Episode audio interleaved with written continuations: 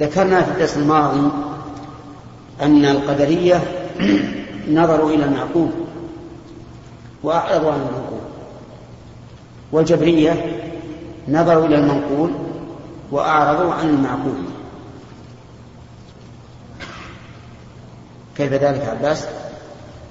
الجهلية نظروا إلى الآيات والأحاديث التي وردت وإثبات القدر. فقالوا له وقالوا إن الإنسان مجبور على فعله ولا يستطيع عامة أنها عامة طيب. المعتزلة الذين أنكروا القدر ونظروا إلى واقع الإنسان. أنه يختار أن يفعل ويختار أن يترك فقالوا وردت بعض الآيات يثبت الفعل إلى العبد فقالوا إن العبد هو الذي يخلق فعله ونفى القدر وأيضا ترتب الجزاء على فعل العبد. لأنه لو كان مجبورا عليه لم يحمد على فعله ولم يجاز عليه. طيب. هنا. وأن مذهب أهل السنة والجماعة الأخ أنت نعم جمع بين المعقول ها والمنقول. فقال إن أن الأدلة تدل على عموم مشيئة الله وعموم خلقه وخلق كل شيء فقدره تقديرا وتدل على أن الإنسان أن الإنسان هو الفاعل وأنه يفعل باختياره. فالمصلي هو الإنسان والصائم هو الإنسان والمتصدق هو الإنسان. وهذا هو الموافق للمعقول والمنقول. ولو شئنا أن نناقش الجبرية والقدرية لتبين أن كل منهم مخالف للمنقول والمعقول أيضا. نعم طيب. تكلمنا أظن على مسألة كل معطل ممثل وكل ممثل معطل. وبندر يبين كيف كان كل معطل مماثلا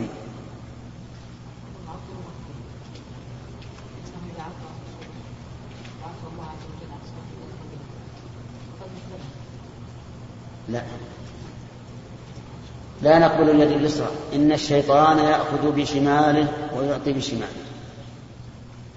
نعم. كيف مسألة المعطل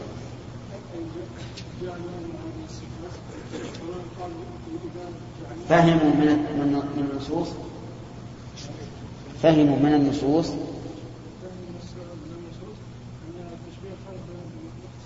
تمام.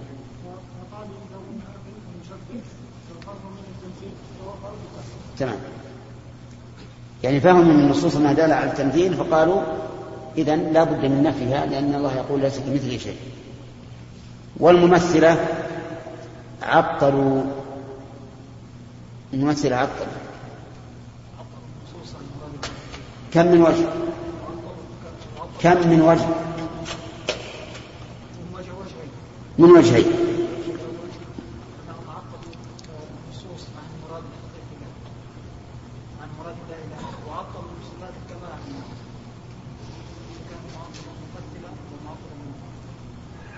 وغير ما فيه إلا من وجهين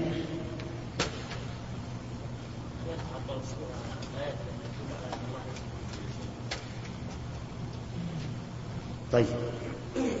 صح؟ عطلوا كل نص يدل على الله ليس مثله شيء. هنا في إشكال لأني سمعت.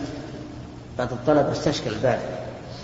وقال بعد أن انفتح لنا المعنى تلخبطنا. فيه لخبطة. نعم. ما في مدعي خالد سألني في الصباح. نعم. أي. نعم. بالنسبة الله عز وجل خالق السبب الثاني. إيش؟ الله عز وجل خالق السبب الثاني. السبب جنس والثاني فصل يخرج منها الايه؟ لا لا. هذه صفة كاشفة. ما هي مقيدة؟ لا ما هي مقيدة. وإذا قيل سبب كاشفة ما ما ما يكون فصل. يكون بيان الحقيقة ها؟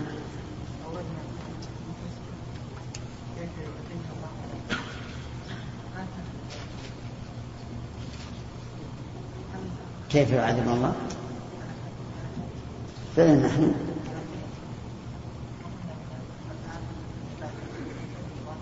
هذا يرد على من؟ على من يرد الجبرية. قيل لهم إذا كان الأمر كما قلتم فكيف يعذب الله سبحانه وتعالى الإنسان وهو مجبر على عمله؟ والفعل ليس له. وأجبنا عن ذلك. هم أجابوا ردوا علينا فقالوا داود أن يتصرف فيما يملك الشيء فليس له التصرف نعم. قال إن الله له, له الحق المطلق أن يتصرف في ملكه كما شاء. فيعذب العاصي فينعم العاصي ويعذب المطيع. ملكه. وش؟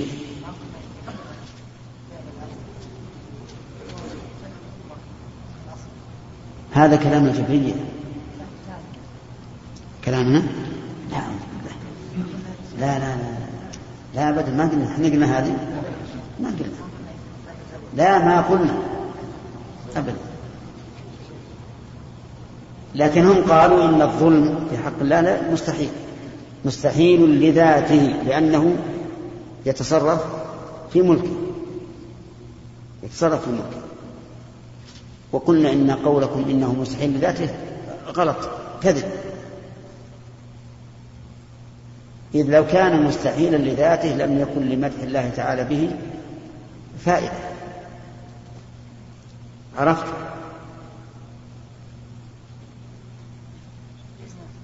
ها؟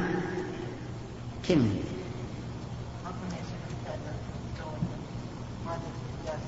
إلا وقدرته. وخالق الإرادة والقدرة نعم. ما هو فعله؟ نحن مباشرين. عندما تتصدق أنت بدرهم هل الله هو المتصدق؟ طيب أنا مباشر. فالفعل فعلنا لكنه مخلوق لله. نعم. طيب نكمل. نعم سليم.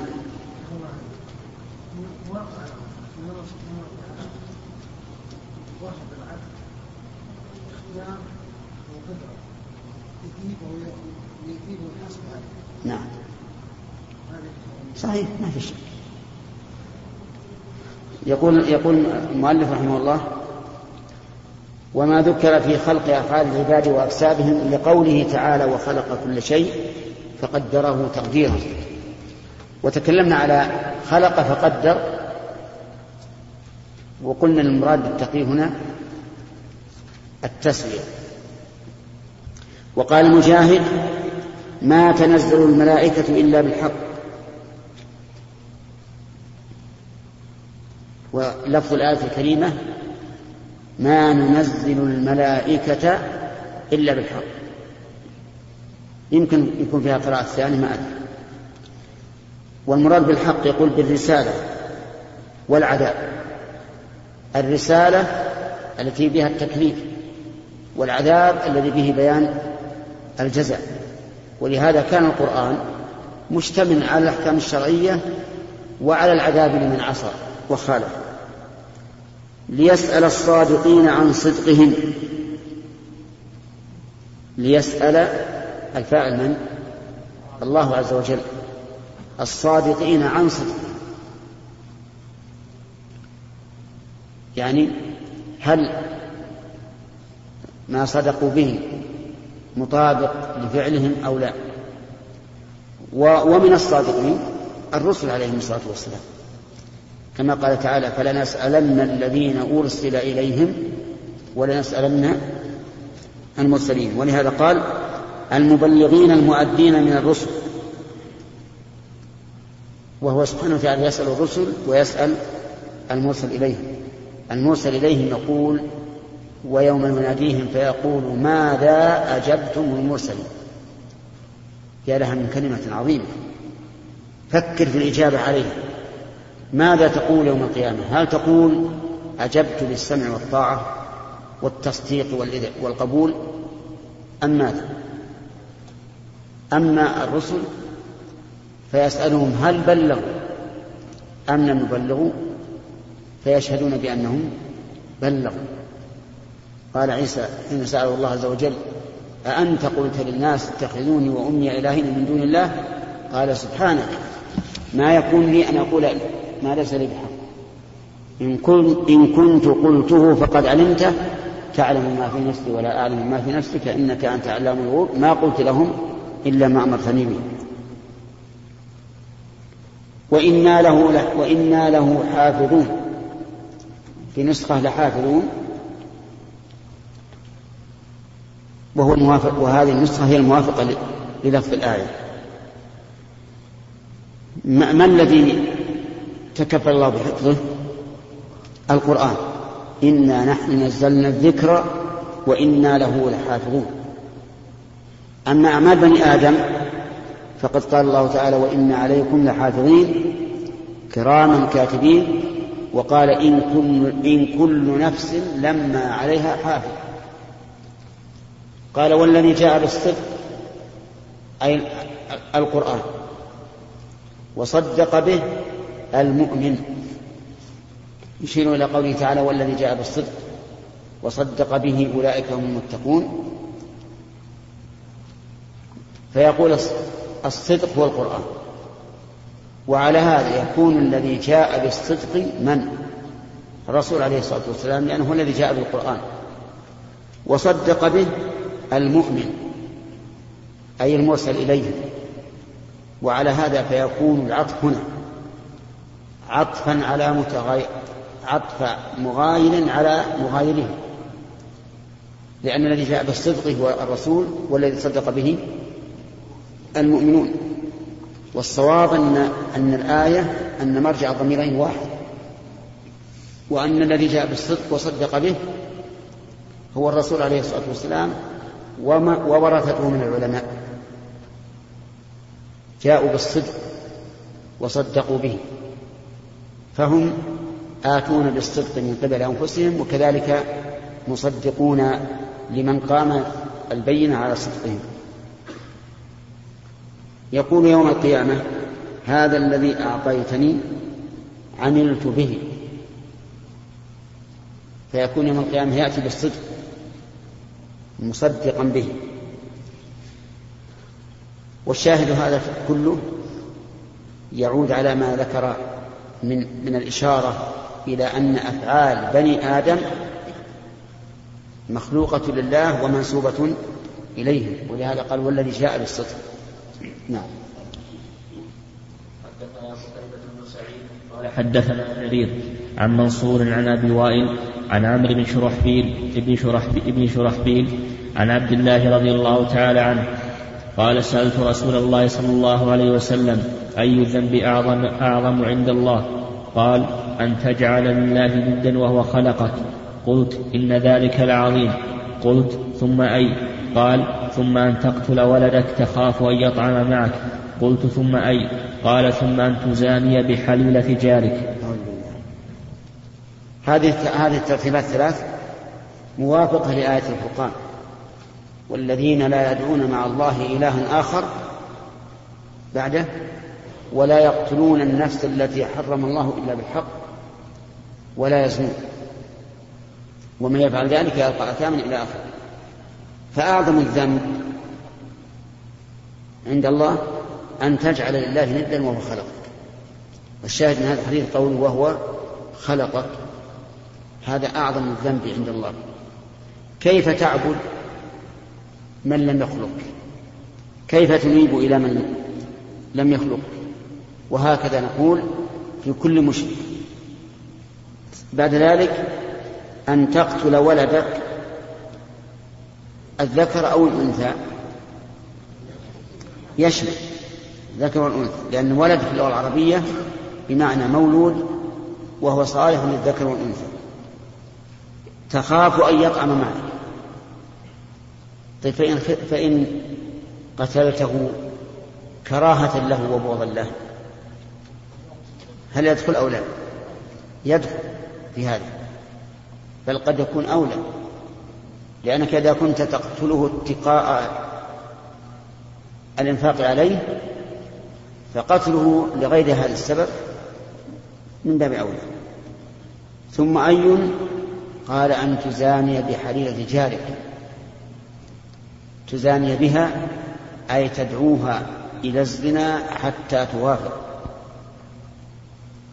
وإنما كانت المزاناة بحديث الجار أشد لأن الجار في الحقيقة قد أمنك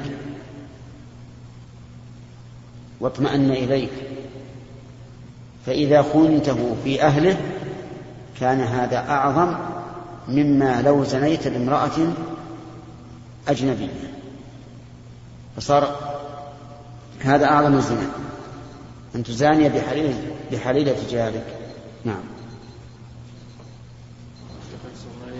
قلنا تبارك وتعالى فلا تجعل لله اندادا وأنتم تعلمون قلنا ان هذه الايه تتضمن توحيد الربوبيه والالوهيه والاسماء والصفات طيب في إيه أخرى يقول الله عز وجل إن الله يعلم وأنتم لا تعلمون. فلماذا لا نجعل هذه الآية في توحيد الربوبية فقط؟ أي ولا تجعل الله أندادا وأنتم تعلمون. والآية الأخرى في الأسماء والصفات إن الله يعلم وأنتم لا تعلمون. فلا تضربوا لنا أمثال هنا الايه لا نجعل فلا تضربوا لها الأمثال حتى أيضا تصلح. الأمثال يعني النظرة والمثيل تصلح للأنواع الثلاثة. نعم.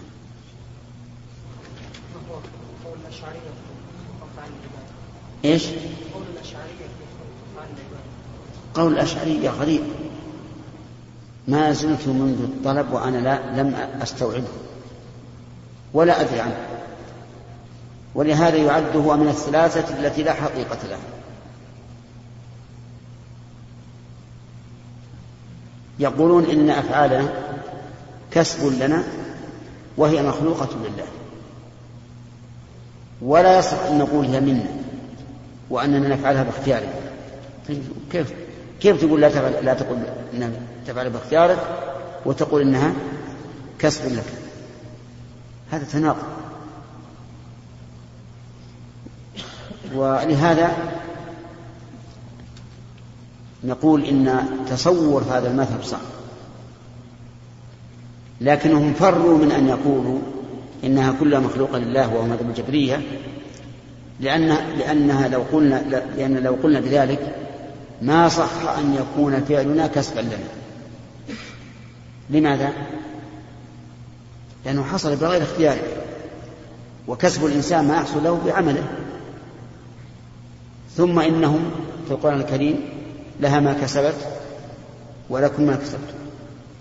قالوا فلا بد أن نوافق لفظ القرآن ونقول إنه كسب لنا ليصح الثواب أو العقاب.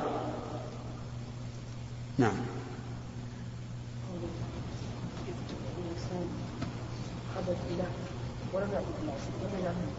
نعم.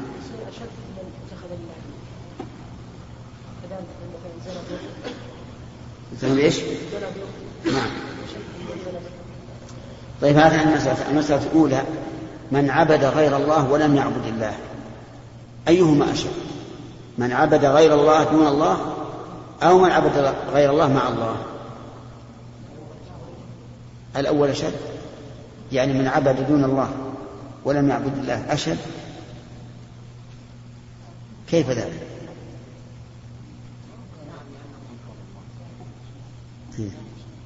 لأن لأنه قد يكون هذه العبادة تتضمن إنكار وجود الله. لكن لو قال إنه يعبد غير الله ولا يعبد الله مع إيمانه بوجود الله. نعم. فقد يقول قائل إن عبادة غير الله مع الله أشد لأن هذا جعل الند مماثلا لله عز وجل. فعلى كل حال الرسول عليه الصلاة والسلام قال أن تجعل الله ندا وهو خلقك وأما الزنا بالأخت وذوات المحارم فلا شك أنه أعظم إثما من الزنا بحليلة الجار. ولهذا كان القول الراجح أن من زنى بذوات محارمه فإنه يقتل بكل حال حتى وإن لم يكن محصنا. لأن المحارم لا يحل نكاحهن بأي حال من الأحوال. فيكون الزنا بذات المحرم أشد من الزنا بحرير الرجال. لكن لما كان نفور النفوس فطريا بالنسبة للزنا بذوات المحارم عدل عنه النبي عليه الصلاة والسلام إلى الزنا بحليلة بحليلة الجار. نعم؟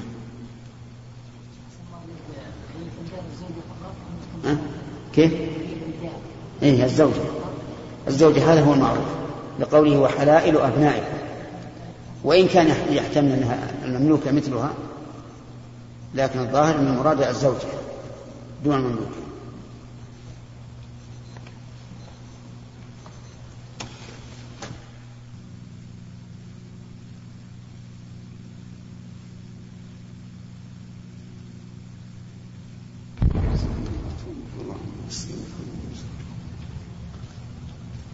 سم.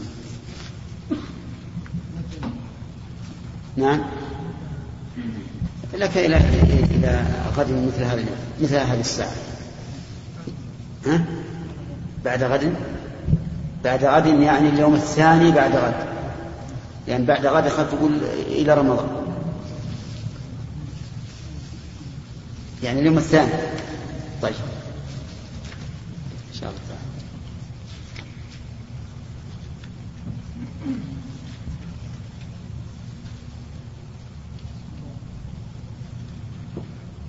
بسم الله الرحمن الرحيم. الحمد لله رب العالمين. والصلاة والسلام على نبينا محمد وعلى آله وأصحابه أجمعين. قال البخاري رحمه الله تعالى باب قول الله تعالى وما كنتم تستترون ان يشهد عليكم سمعكم ولا ابصاركم ولا جلودكم ولكن ظننتم ان الله لا يعلم كثيرا مما تعملون. بسم الله الرحمن الرحيم. قال البخاري رحمه الله باب قول الله تعالى وما كنتم تستترون ان يشهد عليكم سمعكم ولا ابصاركم ولا جلودكم. أي ما كنتم تستخفون بالمعاصي الشرك فما دونه خشية أن يشهد عليكم سمعكم ولا أبصاركم ولا جلودكم أو لئلا يشهد عليكم سمعكم ولا أبصاركم ولا جلودكم لأنكم لا تؤمنون بهذا. ولكن ظننتم أن الله لا يعلم كثيرا مما تعملون. وذلكم ظنكم الذي ظننتم بربكم أرداكم فأصبحتم من الخاسرين. هذا الباب عقده المؤلف رحمه الله. عقده لإثبات علم الله سبحانه وتعالى بما خفي كعلمه بما ظهر. فهؤلاء يستخفون في بيوتهم ويبيتون ما لا يرضى من القول. لا ظنا منهم أنهم سيبعثون.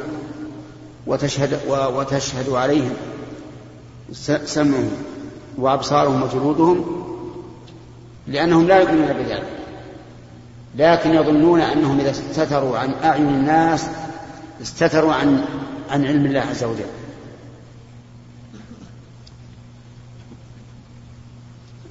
عندك الشرح؟ الشغول المناسبة؟ قوله باب باب قوله تعالى وما كنتم تستترون أن يشهد عليكم سمعكم ولا أبصاركم الآية ساق في رواية في رواية كريما؟ كريمة في رواية كريمة. نعم يبني الآية كلها ذكر فيه حديث عبد الله وهو ابن مسعود اجتمع عند البيت وفيه يسمع إن جهرنا أو إن جهرنا إن جهرنا. إن جهرنا ويسمع إن أخفينا ولا. اللي بالحديث ولا يسمع. فأنزل الله تعالى وما كنتم تستترون. وقد تقدم شرحه في تفسير فصلت قال ابن بطال غرض البخاري في هذا الباب إثبات السمع لله وأطال في تقرير ذلك وقد تقدم في أوائل التوحيد في قوله وكان الله سميعا بصيرا. والذي أقول إن غرضه في هذا الباب إثبات ما ذهب إليه أن الله يتكلم متى شاء وهذا الحديث من أمثلة إنزال الآية بعد الآية. على السبب الذي يقع في الأرض وهذا ينفصل عنه من ذهب إلى أن الكلام صفة قائمة بذاته أن الإنزال بحسب الوقائع من اللوح المحفوظ أو من السماء الدنيا. كما ورد في حديث ابن عباس رفعه نزل القرآن دفعة واحدة نزل القرآن دفعة واحدة إلى السماء الدنيا فوضع في بيت العزة. ثم أنزل إلى الأرض نجوما. رواه أحمد رواه أحمد في مسنده وسيأتي مزيد لهذا في الباب الذي يليه.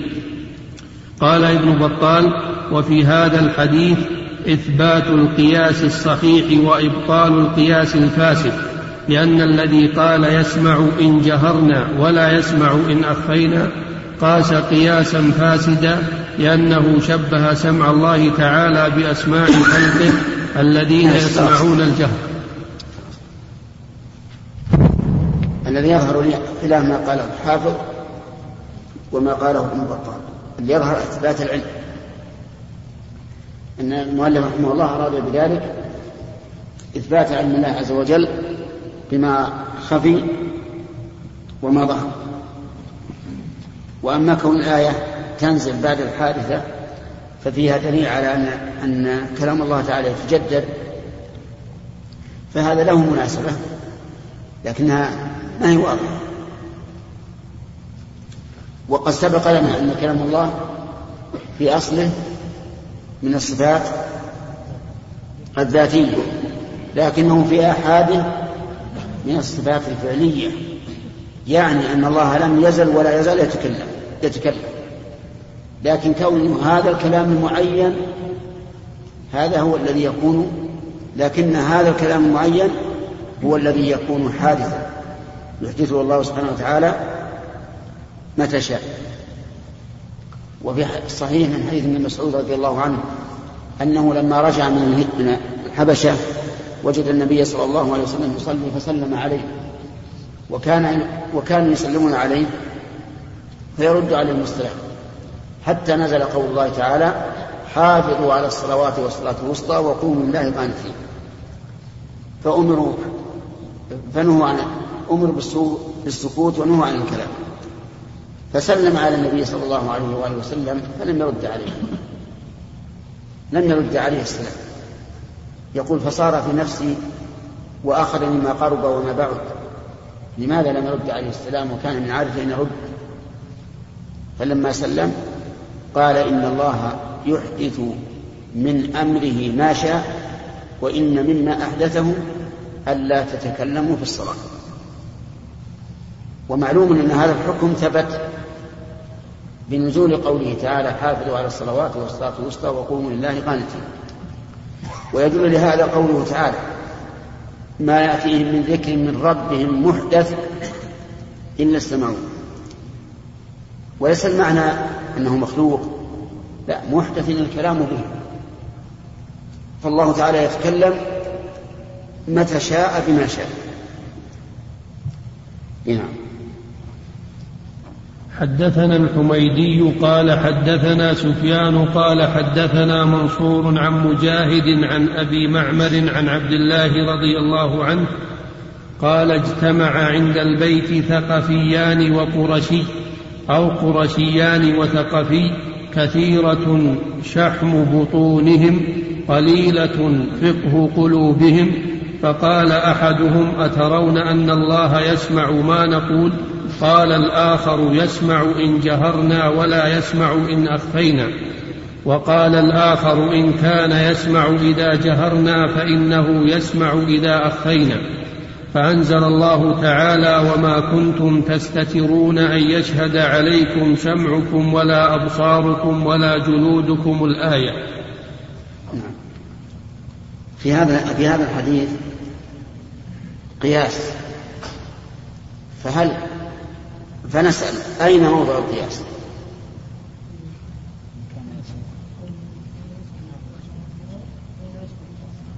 نعم وش القياس؟ لا. إذا جهرنا فإنه يسمع إذا أخفينا من باب الأولى لو كان بالعكس. نعم نقول أحسن الله إليك الإنسان يسمع أنه إذا تكلم الإنسان يسمعه الله عز وجل فمن باب أولى إذا أخفى الإنسان من باب أولى؟ أبدا.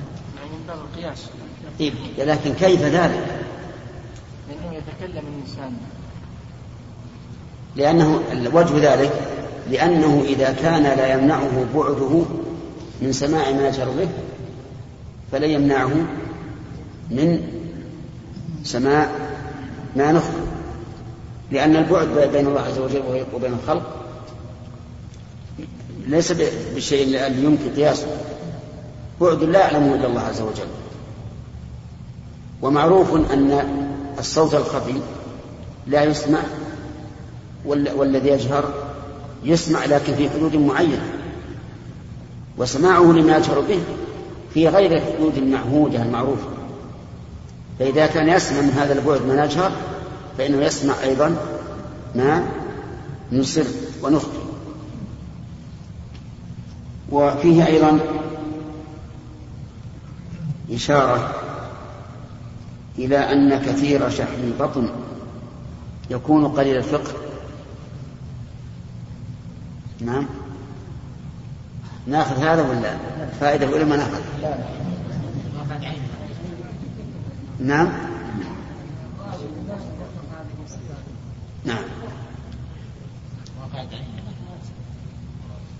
لا هذا وصف فردي ما ما ما يترتب عليه يعني يصفهم على أنهم ناس كبار البطون لكنهم قليل الفقه. الظاهر إن ما نأخذ من هذا وإن كان قد يقال إن كبر البطن يدل على كثرة الأكل. وكثرة الأكل تميت القلب. إذا كثر الأكل كثر الغفلة ولهذا ذكروا أن من فوائد الصيام أن الإنسان يتفرغ للذكر أكثر مما لو كان شابعا لأن الشبع يوجب الغفلة. فإن كان سيؤخذ من هذا النوع من هذا الوجه فإنه يتبين حسن قول الرسول عليه الصلاة والسلام حسب ابن آدم لقيمات يقمن صلبا. فإن كان لا محالة فثلث لطعامه وثلث لشرابه وثلث لنفسه. ولو أننا أخذنا بهذا الطريق وبهذا التوجيه النبوي الطبي ما صار ما صار تنتابنا هذه التغيرات في المعدة وفي الأمعاء وغيرها. لأن هذا هو حقيقة الطب. وقد سمعت أنهم في البلاد التي يدعون أنهم يتحضرون يعملون هكذا. يأكلون خمس مرات أو ست مرات في اليوم والليلة. لكن الذي يأكل لا يأكل إلا يسيرا. يقتصر على شيء يسير ثم يجوع سريعا فيأكل. وهذا في الحقيقة أخذوه من هدي النبي صلى الله عليه وآله وسلم. أما نحن فإننا مع الأسف اعتمدنا على حديث أبي هريرة رضي الله عنه في قصة اللبن حين بقي بقية قال اشرب فشرب شرب حتى قال لا أجد له مساغا يعني ما له مكان بالضبط أبو هريرة جاءت هذه مرة واحدة يمكن في عمره. أما نحن ما شاء الله كل كل يوم تجي قصة أبي هريرة. نعم مشكلة هذه. المهم هل نأخذ من هذا الحديث أن كبير البطن يكون قليل الفطر لا. ولهذا يقال إن علي بن أبي طالب رضي الله عنه يوصف بأنه البطيء أي كبير البطن مع أنه من أفقه الصحابة رضي الله عنهم. حتى أن أن أنه اشتهر المثل المعروف قضية ولا أبا حسن لها. هذا جاءوا به النحويون جاء به النحويون نعم.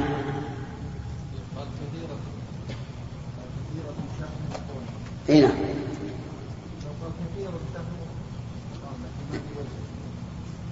إي لا بأس. لا بأس. لأن الشحن يراد به الجنس. فإذا كان يراد به الجنس صارت بمعنى شحوم ولهذا عندي نسخة الآن في البخاري كثيرة شحوم البطون نعم. بن داود؟ أن الرجل الذي قال إن كان يسمع يسمع جهرنا يسمع فهو يسمع سرا فهذا عنده ليس كما قال. إيش؟ الذي قال ان سمع سر جهرنا اي نعم سمع سرا نعم هذا عنده فرق إيش عنده؟ عنده فرق اي يعني ليس مثل اي ويقول ما, ما عنده العبرة بالأكثر يا رجال هم, هم ثلاثة نعم يا سليم نعم الصلاة اختصت خصائص ما جت في العبادات. نعم. الله سبحانه وتعالى في السبع فوق وجعل جعل لكل عبادة يجوز الكلام الذي ما يجوز وجعل لها وش المقصود من هذا؟ المقصود هذه ان الصلاة يعني لها ميزة من من. ولكن أول ما فيها في يوم القيامة الصلاة. إيه لكن بس الحديث اللي عندنا ما في ذكر الصلاة. السؤال على أن الرسول صلى الله عليه وسلم يتكلم يتكلم في الصلاة أول أول ما يكون بعدين إيه. نعم. يجوز فيها الكلام حتى الكلام ما يجوز فيها. أي نعم نعم. هذا السؤال اللي إيه نعم. لكن كان بالأول يجوز الكلام. يكلم الرجل صاحبه وهو إلى جنبه وهم في الصلاة. ثم نزل تحريم الكلام. أخذنا ثلاثة. نعم. باب قول الله تعالى كل يوم هو في شأن. طيب هل يفهم من الآية أن السمع والبصر والجلود تشهد؟ الجواب نعم وهو كذلك وقد جاء ذلك مصرحا به في قوله يوم تشهد عليهم ألسنتهم وأيديهم وأرجلهم بما كانوا يعملون. وفي الآية الأخرى وقالوا لجنودهم لما شهدتم علينا قالوا أنطقنا الله الذي أنطق كل شيء وهو خلقهم أول مرة وإليه ترجعون. نعم. باب قول الله تعالى كل يوم هو في شأن وقوله تعالى وما يأتيهم من ذكر من ربهم محدث وقوله تعالى وقوله وما يأتيهم. نعم. ما يأتيهم. نعم. وقوله تعالى ما يأتيهم من ذكر من ربهم محدث وقوله تعالى لعل الله يحدث بعد ذلك أمرا وأن حدثه لا يشبه حدث المخلوقين لقوله تعالى ليس كمثله شيء وهو السميع البصير. وقال ابن مسعود رضي الله عنه عن النبي صلى الله عليه وسلم إن الله عز وجل يحدث من أمره ما يشاء وإن مما أحدث ألا تكلموا في الصلاة. البخاري رحمه الله ساق هذا هذا الباب وهو مهم بالنسبة لأفعال الله عز وجل. لإثبات أن لله تعالى صفات هي أفعال. يفعلها ما تشاء ويصح أن يطلق عليها حادث. لكنها ليست كحدوث المخلوقين التي قد يعتريها العجز وقد يعتريها الخفاء وما أشبه ذلك من, من نواقص حوادث المخلوقين. يقول عز وجل يسأله من في السماوات والأرض. يسأل من؟ يسأل الله عز وجل. كل من في السماوات والأرض يسألون الله مفتقرين إليه. كل يوم هو في شأن. سبحانه وتعالى. كل يوم هو في شأن. يغني فقيرا ويفطر عنيا ويوجد معدوما ويعدم موجودا ويمرض صحيحا ويشفي مريضا وهكذا. كل يوم هو في شأن. وهذا الشأن ليس شأنا واحدا بل شؤون عظيمة لا يحصيها إلا الله عز وجل. لأن كل شيء لا يقوم إلا بأمره وهو قائم على كل نفس بما كسبت. لو أردت أن تحصي أجناس المخلوقات ما استطعت فكيف بأنواعها؟ فكيف بأفرادها؟ الذرة في جحرها يدبرها هو عز وجل. ما من دابة إلا هو آخذ بناصيته كل يوم هو في شأن عظيم من شؤونه عز وجل. يفعل ما يشاء. وكونه كل يوم هو في شأن يدل على أن الحوادث تكون بأمره عز وجل وأنه يحدث من خلقه ما شاء ويحدث من شرعه ما شاء وقت نزول الوحي. أما بعد وفاة الرسول صلى الله عليه وسلم فإنه لا يمكن أن يحدث شيء في الشرع ولا يتغير. وقال تعالى ما يأتيهم من ذكر من ربهم محدث إلا سمعوه وهم يلعبون. محدث. فأثبت عز وجل أن الذكر الذي يأتي من الله يكون محدث. وقال تعالى لا تدري لعل الله يحدث بعد ذلك أمرا. هذا في في المطلقة. إذا طلقت طلاقا رجعيا فإنه يجب أن تبقى في بيتها لماذا؟ لأنه ربما تصلح الأحوال وينقلب بغض الزوج لها محبة وسخطه عليها رضا. فيراجعها وهي في البيت لا يعلم أحد فلهذا قال لا تدري لعل الله يحدث بعد ذلك أمرا يعني المراجعة وإذا حدث ذلك لم يطلع على ما حصل أحد. وإن كان يجب أن يكون الطلاق بشهود وأن تكون الرجعة بشهود أو يستحب على خلاف في ذلك لكن هذا لا يمنع من أن تبقى الزوجة في البيت. الشاهد قوله يحدث بعد ذلك أمرا وهو رجوع الزوج إلى زوجته. قال وأن حدثه لا يشبه حدث المخلوقين لقوله تعالى ليس كمثله شيء وهو السميع البصير. نعم لا يشبه حدث المخلوقين. لا من جهة العلم ولا القدرة ولا الإحداث أيضا. حدثوا للشيء بكلمة كن فيكون. حدث المخلوقين بعمل. ومعاناة وقد يحصل وقد لا يحصل. أما الرب عز وجل فإن إحداثه لا يشبه إحداث المخلوقين. واستدل البخاري بأنه لا يشبه حدث المخلوقين بقوله تعالى ليس كمثله شيء وهو السميع البصير. وقال ابن مسعود عن النبي صلى الله عليه وسلم إن الله يحدث من أمره ما يشاء وإن مما أحدث ألا تكلموا في الصلاة. وهذا إحداث شرعي. والأول لعل الله يحدث بعد ذلك أمرا إحداث قدري لأن مراجعة الزوج لزوجته ليس وحيا ينزل أو حكما يتجدد ولكنه حكم قدري يلقيه الله عز وجل في قلب الزوج ويراجع الزوجة إذا فالله تعالى يحدث من أمره الكوني ومن أمره الشرعي ما شاء لكن الأمر الشرعي انقطع. الإحداث بالأمر الشرعي انقطع. بماذا؟ بوفاة رسول الله صلى الله عليه وآله وسلم فلا يمكن أن يتجدد ولا يمكن أن يتغير طيب هل خالف أحد في هذا؟